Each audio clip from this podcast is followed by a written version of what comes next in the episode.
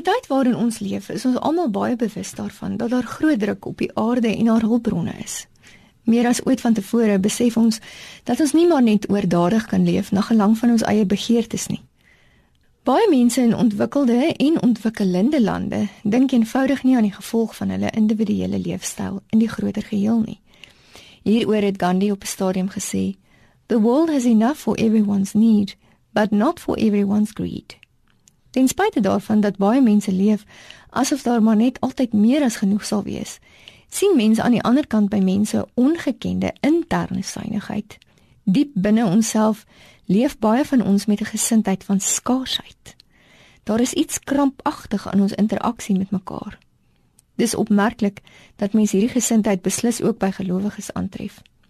En tog sou mens verwag dat ons, van alle mense, met 'n gesindheid van vrygewigheid sal leef. Lyk ons nie maar presies soos al die ander mense om ons nie. Sou ons nie dalk kon bewus word hoe min van onsself ons gee en hoe geslote ons harte verander is nie. Is ons nie veronderstel om meer vrygewig te wees met ons geld en ons goed nie? kan daar nie by ons meer ruimte wees om stil te staan en in mense se oë te kyk en te luister nie. Sou ons dit nie dalk in onsself kon vind om al meer met 'n gesindheid van oorvloed teenoor mense te leef nie en minder emosioneel armoedig en suinig te wees in ons interaksie met die mense met wie ons elke dag te doen kry nie. Dink net hoe suinig is ons soms met onsself teenoor ons huismense. Hoe skaars is ons soms aan openheid en ruimte vir ander hoe krampagtig klou ons soms aan ons egos vas, bang dat ons die bietjie wat ons dink ons het, gaan verloor. Jesus het presies die teenoorgestelde gesindheid kom leef en so vir ons kom wys dat God se hart en God se wêreld 'n plek van oorvloed en vrygewigheid is. Dink maar net aan die bekende woorde van Johannes 10 vers 10. Ek het gekom sodat julle die lewe kan hê en dit in oorvloed. Of Johannes 14 vers 2. In die huis van my Vader is daar baie woonplek of selfs Jesaja 55 vers 1.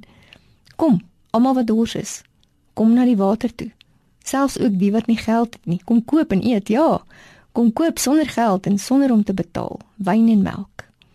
En dink aan die oorvloed van die boom van die lewe in Openbaring 22 vers 2. Hy dra 12 keer per jaar vrugte. Elke maand lewer hy sy vrugte. Die blare van die boom bring genesing vir die nasies. Ek dink God sou graag wou sien dat ons in navolging van Jesus groei in 'n gesindheid van vrygewigheid en oorvloedigheid van hart en dat ons al meer sal sterf aan ons ingeboude gesindheid van skaarsheid, gebrekkigheid en krampagtigheid. Mag ons elkeen leer om nie suinig te wees met onsself nie.